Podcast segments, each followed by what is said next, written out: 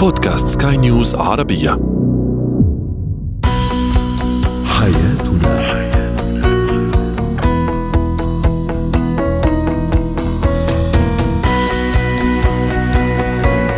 مستمعينا الكرام أهلا بكم. معنا إلى حياتنا فضاؤكم اليومي الذي يعنى بشؤون الأسرة وباقي الشؤون الحياتية الأخرى والذي يمكنكم الاستماع إليه. عبر منصة سكاي نيوز عربيه dot com slash بودكاست وباقي منصات سكاي نيوز العربيه الأخرى. اذا شاركونا عبر رقم الواتساب 00971 561 88 622 3 معي أنا أمال الشاب اليوم نتحدث عن التخبيب بين الزوجين وإفساد العلاقة الزوجية من قبل أحد الأشخاص. طرف ثالث يحرض على إفساد هذه العلاقة الزوجية، أيضا ما هي أهمية الفنون؟ آه، بالنسبة للطفل وأخيرا كيف نتجاوز مشكلة الخجل الاجتماعي. هو وهي.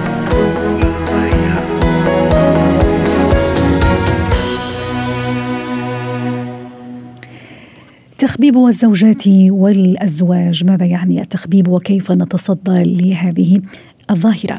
للحديث عن هذا الموضوع رحبوا معي بدكتور خليفة المحرزي رئيس المجلس الاستشاري الأسري. سعد أوقاتك دكتور خليفة. في البداية دعني أستعرض بعض التعليقات إجابة على سؤالنا التفاعلي اليوم. ما هي خطورة إفساد العلاقة بين الزوجين أو التخبيب وما أفضل طريقة للتصدي لها؟ تعليق يقول إفساد العلاقة بين الزوجين تؤدي إلى دمار الأسرة بأكملها وضياع الأبناء والتصدي لها يكون عن طريق إنشاء مؤسسة تكون صلاحياتها ومهامتها آه، حل الخلافات الزوجية. آه، تعليق آخر أيضا آه، يقول الشخصية المحرضة هي تشعر بنشوة عند تحقيق هدفها ويجب أيضا التصدي لهذا النوع من الشخصيات المحرضة التي تسعى لإفساد العلاقة. تعليق آخر يقول هو تحريض على خراب البيوت تعليق لسيف. دكتور خليفة ماذا يعني تخبيب الأزواج والزوجات؟ آه، لعل مسألة التخبيب من الأدوات التي تساهم في تعجيل دمار الأسرة وإصابتها بالضرر العاطفي والنفسي والسلوكي. وإيش يعني تخبيب الأزواج والزوجات حتى يكون مدخل لموضوعنا اليوم؟ نعم هي عبارة عن تشويه صورة العلاقة الزوجية التي قد تصاب بشيء من الضرر، لا شك إن العلاقات الزوجية بطبيعتها أنها تصاب بحالة من العطب، بحالة من التوتر، بحالة من الاحتقان، بحالة من التراكم الانفعالي. هي طبيعة العلاقات الزوجية، لا توجد هناك علاقة زوجية مستقرة ومستدامة وسعيدة طوال الوقت وإنما تعلوها بعض الشوائب وتعلوها بعض الخلافات. ثم تعود العلاقة الزوجية إلى سابق عهدها. الإشكالية في التخبيب أن تقوم إحدى الزوجات مثلا بالتعليق على موقف حدث بينها وبين زوجها لصديقتها لإحدى المقربات لجارتها ثم تقوم هذه المرأة بدلا من إصلاح الوضع بتشويه الصورة السلبيه كأن تحضها على الطلاق أو تحضه على التمرد أو تحضه على رده الفعل العنيفة أو تتعامل معها بصورة سلبية. فبدل ما تساعد هذه العلاقة تقوم بتشويه العلاقة وتؤجج الخلاف بينها وبين شريك حياتها. وهل الأمر أيضا يحدث مع الأزواج دكتور خليفة؟ نعم هي الأمر سيان بين الرجل والمرأة وإن كانت المرأة هي الأكثر طبيعه طبيعة المرأة أنها دائما تتحدث عن مشاعرها عن مشاكلها. على عكس الرجل الذي دائما يفضل الكتمان طبيعة المرأة أنها دائما تتحدث عن تفاصيل بيتها لأخواتها لأهلها لجيرانها لصديقاتها. كنوع من الدعم. كنوع من المساندة كنوع من البحث عن الحلول صحيح. كنوع من الاطلاع على بعض الممارسات هي ليست بنيتها خراب بيتها وإنما هي تقصد أه. عن معالجات أو عن حلول طيب أنا مدام مش في نيتي يعني أخرب بيتي أخرب بيتي دكتور خليفة لكن في بعض الأشخاص الله يسامحهم محرضين هدفهم إفساد هذه العلاقة علاقة زوجية مع الزوج أو مع الزوجة نعم. متى أعرف مثلا أنه هذا الشخص اللي أنا عم أشتكي له أو أفضفض له أو أفضفض لها لا هي بدها تفسد علاقتي مع زوجي أو مع زوجتي. أعطيني كذا بعض الأشياء إذا ما فعلا تكررت من قبل سين أو صاد من الأشخاص هذا يعني أنه لا هذا بده أنه يخرب بيتي. هي الإشكالية في طريقة طرح الموضوع. أنا عندما ألجأ إلى إنسانة غير متخصصة وليست إنسانة مستشارة وليست لها باع في هذا المجال من الخطأ الإخبار والإعلان عن تفاصيل مشاكلي مع زوجي. وهذه من الاخطاء الفادحه صحيح. التي يمكن تلجأ بعض النساء اللجوء في الأساس إلى شخص متخصص إلى شخص يستطيع أن يعالج المشكلة إلى شخص لا يعرف كلا الطرفين لا يعرف الزوجة ولا يعرف الزوج وإنما هو يتعامل مع المشكلة. متى أعرف من هناك مؤشرات؟ من المؤشرات عندما يتم تشخيص المشكلة كأنها مشكلة في الذات وليس في السلوك، عندما لا تطرح حلول وإنما فيها نوع من آه، التحريض على الطرف الآخر، عندما تساعد هذه المرأة على تفعيل المشكلة وإذكاء جدوى الخلافات الزوجية بصورة سلبية. عندما أو تحمل الزوج مثلا فوق طاقته مثلا. مثلا م. هذه المؤشرات تعطيني رسالة أن هذه الإنسانة لا تسعى لإصلاح الوضع. وإنما تهدف إلى تدمير العلاقة الزوجية، لكن نعود إلى أساس المشكلة، الأساس نبعت من الزوجة التي أبلغت عن مشكلتها، ينبغي أن تذهب إلى شخص متخصص ولا تطرح مشاكلها أمام العامة. من جيرانها وحتى من المقربين أو حتى من الأصدقاء، استعينوا على قضاء حوائجكم بالكتمان صحيح. كما جاء في الحديث. والمشكلة أيضا أتصور والمصيبة الأكبر يا دكتور إذا كان أقرب الناس هو اللي يحاول يحرضني. يعني في بعض الاعترافات مثلا سيدة تقول أن والدتي هي كانت السبب في طلاقي بمعنى كانت دائما تكرهني في زوجي تقارن بين زوجي وزوج أختي فخلص أنا في النهاية تعبت وخلتني هذا التحريضات. عايد بين قوسين إذا صح التعبير. أطلب الطلاق. المؤشرات التي لدينا في المجلس الإشاري الأسري تشير ان 64% من أسباب الطلاق. 64.2% من أسباب الطلاق بسبب تدخل الأهل. ولذلك دائما تدخل الأهل لا يكون بصورة إيجابية. ننصح دائما بالابتعاد عن العائلة بإخبارهم عن مشاكلنا الشخصية ووجود مستشار مختص للعائلة. دائما نقول اذهبوا إلى البعيد ولا وتجنبوا القريب لأن القريب سيعمل بصورة عاطفية على اذكاء جدوى الخلافات الزوجية وخاصة الأمهات أكثر من الآباء بالتحديد لأن ليست كل أم حريصة انها أو تملك مهارة حل الخلافات. صح يمكن مش قصدها لكن لا تملك المهارة. ممكن أيضا تقارن بين تجربتها مع الزوج اللي كانت قبل 30 40 سنة وزوجة أو تجربة البنت يعني صغيرة اللي الآن عم تعيش في ظروف مغايرة وحياة مغايرة تماما. دكتور خليفة ودي أتوقف أيضا عن تعليق صراحة. يقول إنه الشخصية المحرضة اللي تعمل على أفساد العلاقة هي شخصية تشعر بنشوة عند تحقيق هدفها. سيكولوجيا ونفسيا. هل هي شخصية مضطربة؟ نعم. يعني تشير الدراسات أن هذه تسمى الشخصيات السامة التي تستمتع وتستلذ بآلام الآخرين. عندما تجد أن هذه الزوجة تعاني مع زوجها وتدخل في مزيد من الهوة بينهما تشعر بالانتصار وتشعر من حققت هدف جميل جدا. بغض النظر إيش المقاصد سواء كانت يعني ذاتية أو مقاصد دنيوية لكن هنا من الناحية النفسية تشعر بأنها استطاعت أن تزكي نار الخلاف بينها وبين زوجها فهي كشعور نعم هذا شعور مرضي اضطراب إنسان غير ناضج غير واعي غير مدرك وإنما يستلذ بآلام الآخرين. وهذا طبعا دلالة أن هذا الإنسان يعاني أساسا من عدم الاتزان النفسي في ذاته وإنما يريد أن يعاني الآخرين كما هو عاش تجربة مريرة سابقة مضطهدة فيريد أن يعكسها على الآخرين كانتقاما أو كنوع من إطفاء المشاعر السلبية. دكتور خليفة حتى نختم معك أيضا على خير ونودعك اليوم بهذا الموضوع.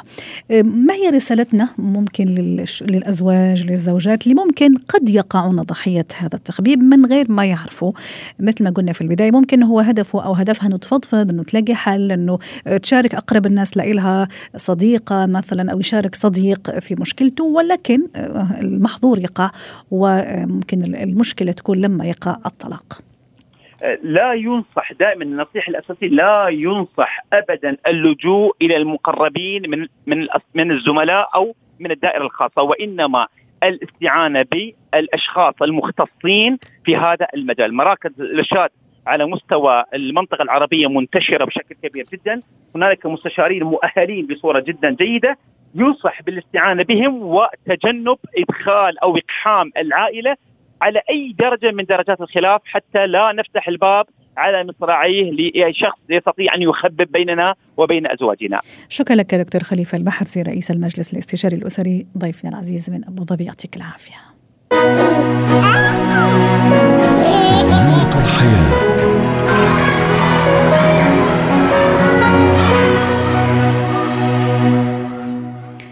اليوم في فقرة زينة الحياة سنتحدث عن أهمية تشجيع الطفل على ممارسة نوع معين من الفنون الرسم الموسيقى الرقص الشعر وما إلى ذلك. المسرح أيضا.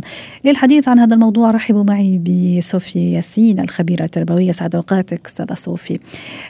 كأباء وأمهات أكيد. يا هلا وكل عام وأنت بخير. ما هنيناك بمناسبة الشهر الكريم. عليك يا رب. علينا وعليك. يا رب.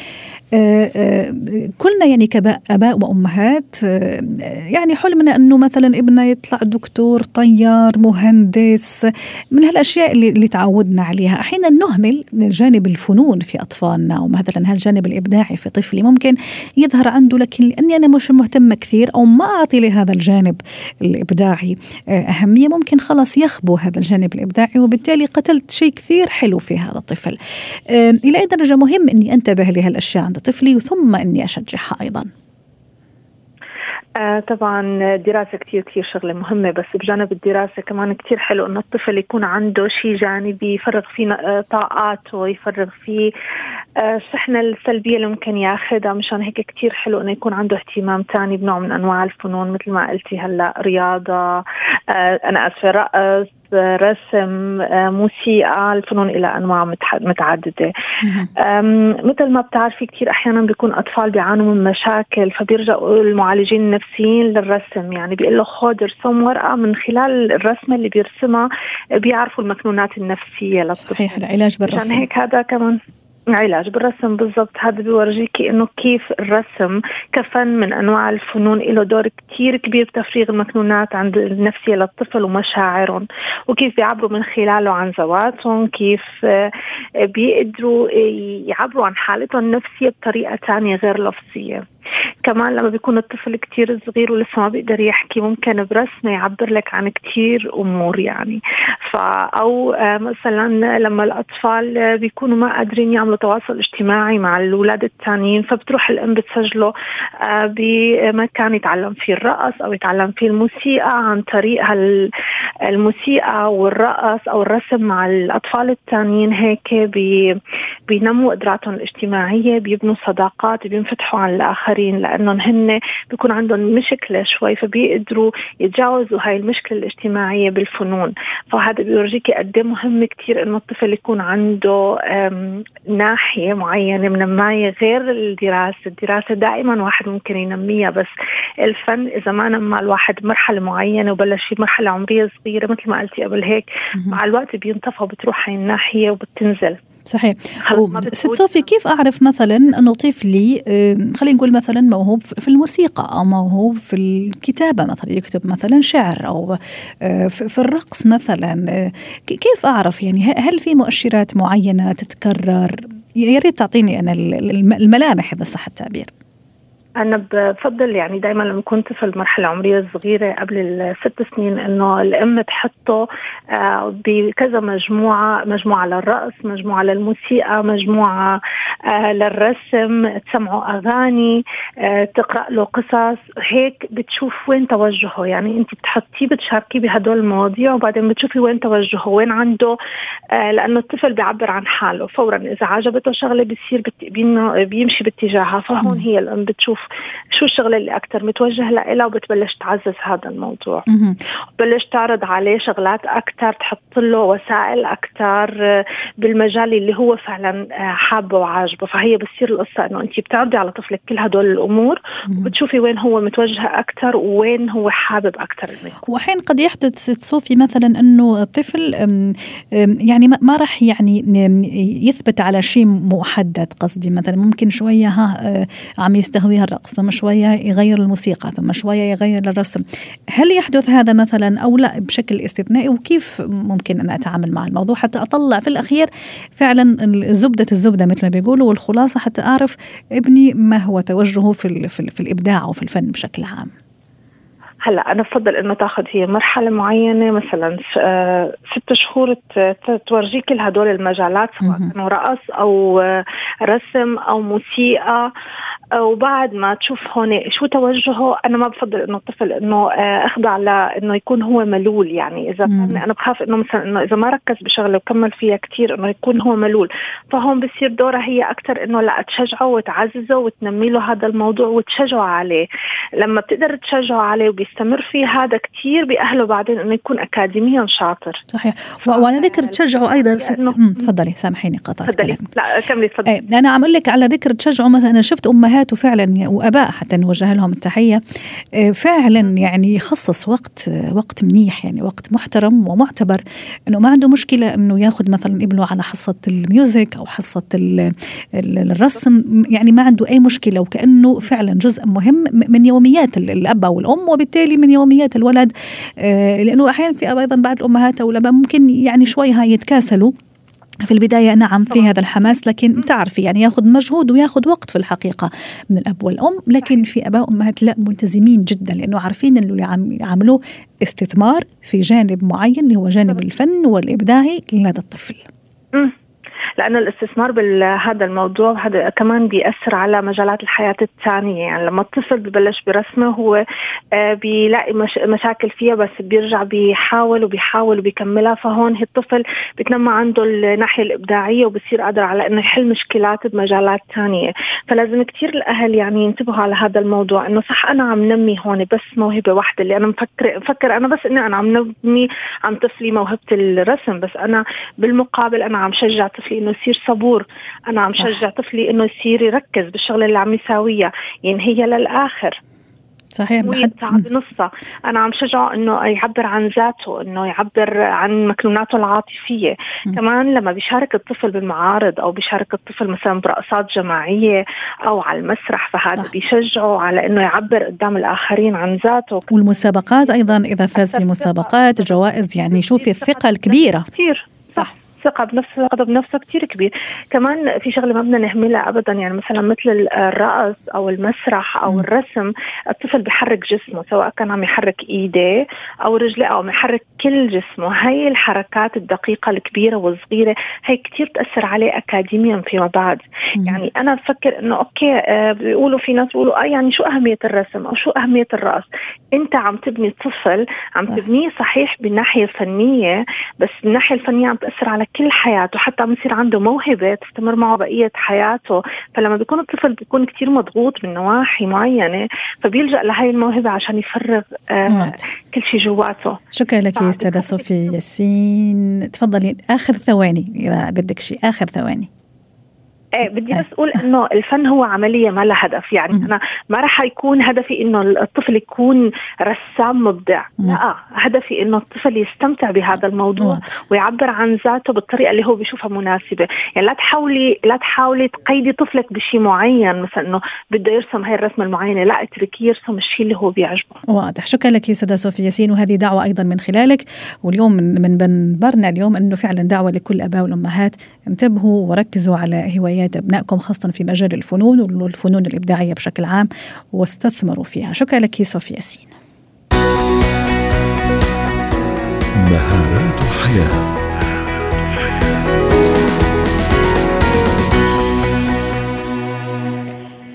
اليوم في مهارات الحياة سنتحدث عن الخجل الاجتماعي. كيف نتجاوز هذه العقبة ونمارس حياتنا بشكل طبيعي؟ للحديث عن هذا الموضوع رحبوا معي بفاتن سلامة مدربة مهارات الحياة. يسعد أوقاتك ست فاتن ورمضانك مبارك وتقبل الله منا ومنك.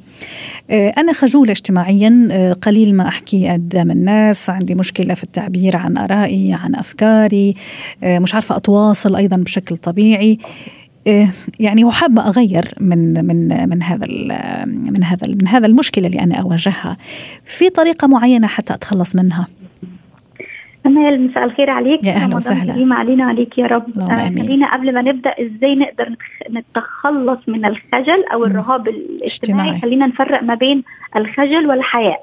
الحياء اللي هو شعبة من شعب الإيمان اللي هو شيء محبب اللي هو ممكن أكون إذا إذا إذا مثلا تطفل علي شخص أو أو أو مثلا يعني هزر هزار تقيل أو إن أنا مثلا بتعرض مع لشخص ثقافته مختلفة عن ثقافتي فأنا باخد جنب. لكن لو أنا شخص خجول أو عندي خجل اجتماعي فهي حالة رهبة أو حالة خوف حالة توتر وقلق بتصيب الإنسان لما بيخرج من ال comfort zone بتاعته لما مم. بيخرج من الدايرة بتاعته لما بيقابل ناس آه يعني ليست في محيطه الاجتماعي.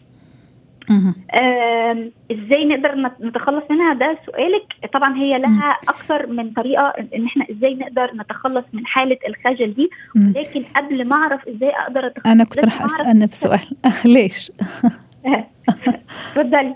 أنا كنت راح أسأل نفس الشيء نفس الفكرة يمكن عم فكر فيها. يعني لماذا عندي هذا الرهاب الاجتماعي اذا آه. طبعا الحال كذلك. لماذا عندي هذا الرهاب؟ هل مثلا موجود معي منذ البداية وأنا صغيرة ولا ممكن حين الناس فجأة يجيهم هذا الرهاب؟ يعني في فروقات معينة؟ آه، في بيختلف من شخص إلى آخر. يعني آه، يمكن في آخر لقاء أنا كنت بتكلم فيه عن كان على سكاي بس على التلفزيون كنا بنتكلم على المراهقين وكيفية إن إحنا ننمي شخصية الشخصية القوية لدى المراهق لأن لو ما نميناش الشخصية القوية من عنده من دلوقتي سوف تصيبه حالة الخجل والرهاب الاجتماعي. ففي ناس بيكون من الصغر الأهل تغاضوا عن ثقل الثقة بالنفس للطفل أو للمراهق وبالتالي لما بيبدا بيبدأ يكون شخص بالغ ويندمج في المجتمع فلا يستطيع إن هو يندمج وبالتالي بتصيبه حالة من حالات الخجل. قد يكون الشخص ده وهو شخص آه، ناضج وشخص بالغ ولكن أصيب أو أو تعرض لأكثر من مرة لحالة النقد المستمر، النقد السلبي، النقد الهدام أو التنمر، فبالتالي بي بيقرر إن هو ياخد جنب أو ينعزل أو الخجل ده بيؤدي بيه إن هو يعزل نفسه عن العالم أو بتكون النشأة البيئية اللي هو عايش فيها بيكون في أسرة لا تشجع إن أنا أتكلم أو إن أنا أتحدث. زي ما انت قلتي ما بقولش رأيي أو ما بتكلمش. لما بيكون الطفل وهو هو صغير عنده فضول إن هو يعرف حاجة بنقتل فيه الفضول ده وبالتالي هو بيسكت وبالتالي بيصبح شخص يعني مسؤولية كبيرة نتحملها نحن كأهل فاتن. فعلا أحيانا ابني يحب يبدي رأيه خاصة يعطي رأي معين ممكن يعارض. آه، لكن أنا أقمعه يعني وهذا فعلا المصطلح. ممكن والأسوأ أني قدام مثلا قدام أصحابه أو أمام الناس أو أمام اللمة والجمعة والعائلة. فتصور قديش أنا عم أعمل له شرخ في هذا النفسية وبالتالي فعلا عم أصنع منه شخص عنده هذا الرهاب الاجتماعي. طيب. حلوة جدا الشرخ ده يا أمال لأنه بيكبر بيكسر شخصية الطفل. تماما. طيب فاتن أنا أمام هذه المشكلة. أعطيني كذا حلول تحاول كذا تخليني أطلع شوي شوي من يعني من هذا النفق اللي أنا دخلت له اللي هو الرهاب الاجتماعي. اولا لابد إن أنا كشخص خجول أعرف إن أنا خجول يعني ما بقاش بقاوح ما بقاش بقاوم ده. أنا خجول وعارف السبب قد السبب أنا لازم أعي للسبب. هل أنا تعرضت لشيء ما خلاني في هذه المرحلة أو أنا البيئة اللي أنا نشأت فيها أو ما إلى ذلك؟ فبالتالي أنا شخص خجول ولازم أخرج من الدائرة دي وإن أنا أكون شخص طبيعي يستطيع إن هو يعبر عن رأيه يستطيع إن هو ينصهر في المجتمع. فلازم إن أنا أقدر مهارة التواصل ومهارة آه، التواصل مع مع المجتمع. دي أول شيء. إن أنا أعترف بإن أنا عندي مشكلة وإيه سببها. يعني أحط إيدي على الجرح وأعرف إيه سبب المشكلة. تاني حاجة إن أنا لازم أمارس تمارين الاسترخاء والتأمل لأن هي التمارين دي بتساعدني على أن أنا أتنفس بطريقة آه، صحيحة. وبالتالي حالة الخوف والرهبة اللي هتصيبني لما أقابل أمال أو أتكلم مع مديري أو أطلع أتكلم قدام مجموعة من الناس هتقل تدريجيا طول ما أنا عارف إن أنا أسترخي أو إن أنا أفكر أو إن أنا أدرب عقلي على الاسترخاء وخصوصا في التعامل مع أو في في حالة التعامل مع أشخاص آه ليسوا يعني ليسوا من محيطي الاجتماعي. آه يبقى تمارين الاسترخاء ثالث شيء وده يعتبر هو أهم شيء هو التدريب إن أنا مثلا أدرب نفسي مرة واثنين وثلاثة إن أنا أخرج من الدايرة اللي أنا فيها وأتكلم. يمكن المرة الأولى إن أنا آه، في أشخاص هيكونوا غير أسوياء سوف ينتقدوني والنقد بطريقة ما هيرجعني خطوة لورا لكن أنا لازم أكون حاطط في بالي إن أنا تغيير السلوك بتاعي أو إن أنا أكتسب مهارة جديدة دي مسؤوليتي مش مسؤولية أي حد آخر. ولازم أحط في بالي إن يعني الكمال لله وحده. ما فيش حد فينا كامل الكمال لله وحده. ولا أستطيع إن أنا إن أنا أرضي جميع الأطراف. مش مش كل الناس اللي بتسمعني حت هتتقبلني. مش كل الناس اللي أنا بقابلها هتتقبلني. يبقى لازم يكون عندي واقعية في إن أنا مش لازم أرضي جميع الأطراف. لا أنا دلوقتي بشتغل إن أنا أخرج من الدايرة اللي أنا فيها دي وإن أنا لازم أكون شخص طبيعي يستطيع إن هو يعبر عن آرائه ويعبر عن ما بداخله. صحيح. وأيضا اتصور من بين الخطوات المهمة فاتن عندما عم تحكي على التحدي النفسي. يعني هو التخلص من الأفكار السلبية. يمكن أنا عندي فكرة سلبية. مثلا خلي أقول إني أخاف مني أنحرج مثلا أو أخاف إني أظهر بموقف مرتبك أو أخاف من فكرة كذا ولا كذا يعني سلبية. فأتصور هذه أيضا راح تحبطني وتخليني أرجع خطوة خطوة لورا بدل ما يعني أتطور وأتقدم خطوة لقدام. حتى نختم. وأيضا أهمية الانضمام لمجموعات الدعم يعني الناس الإيجابيين الناس اللي تدعمني الناس اللي تعطيني الكلام الجميل والدافع الاحلى يعني حتى نختم. لابد إن أنا أكيد لأن أنا أول ما هبدأ إن أنا أدرب نفسي هدرب نفسي مع ناس أنا بحس بالأمان في وسطهم. يعني أدرب نفسي إن أنا أتكلم أو إن أنا أعبر عن رأيي في وسط دائرة أنا مرتاح لها. بعد كده أبدأ أخرج من الدائرة دي شوية بشوية لأن خدي بالك لو أنا بدأت على طول مع ناس أنا أصلا تعرضت معاهم للتنمر قبل كده أو هم هدموني قبل كده فدي حت هتكون عندي فكرة سلبية وكل فكرة سلبية بتهدم قدامها خمس أفكار إيجابية أو خمس أشياء إيجابية جوايا. واضح. فخلينا ناخدها خطوة خطوة مم. وخلينا نمشي بحاجة اسمها الوان الواحد في المية تغيير يعني أنا اغير من نفسي واحد في المية كل شوية علشان أقدر أوصل لهدفي إن شاء الله. شكرا لك فاتن سلامه مدربة حياة ضيفتنا العزيزة من دبي يعطيك العافية. حياتنا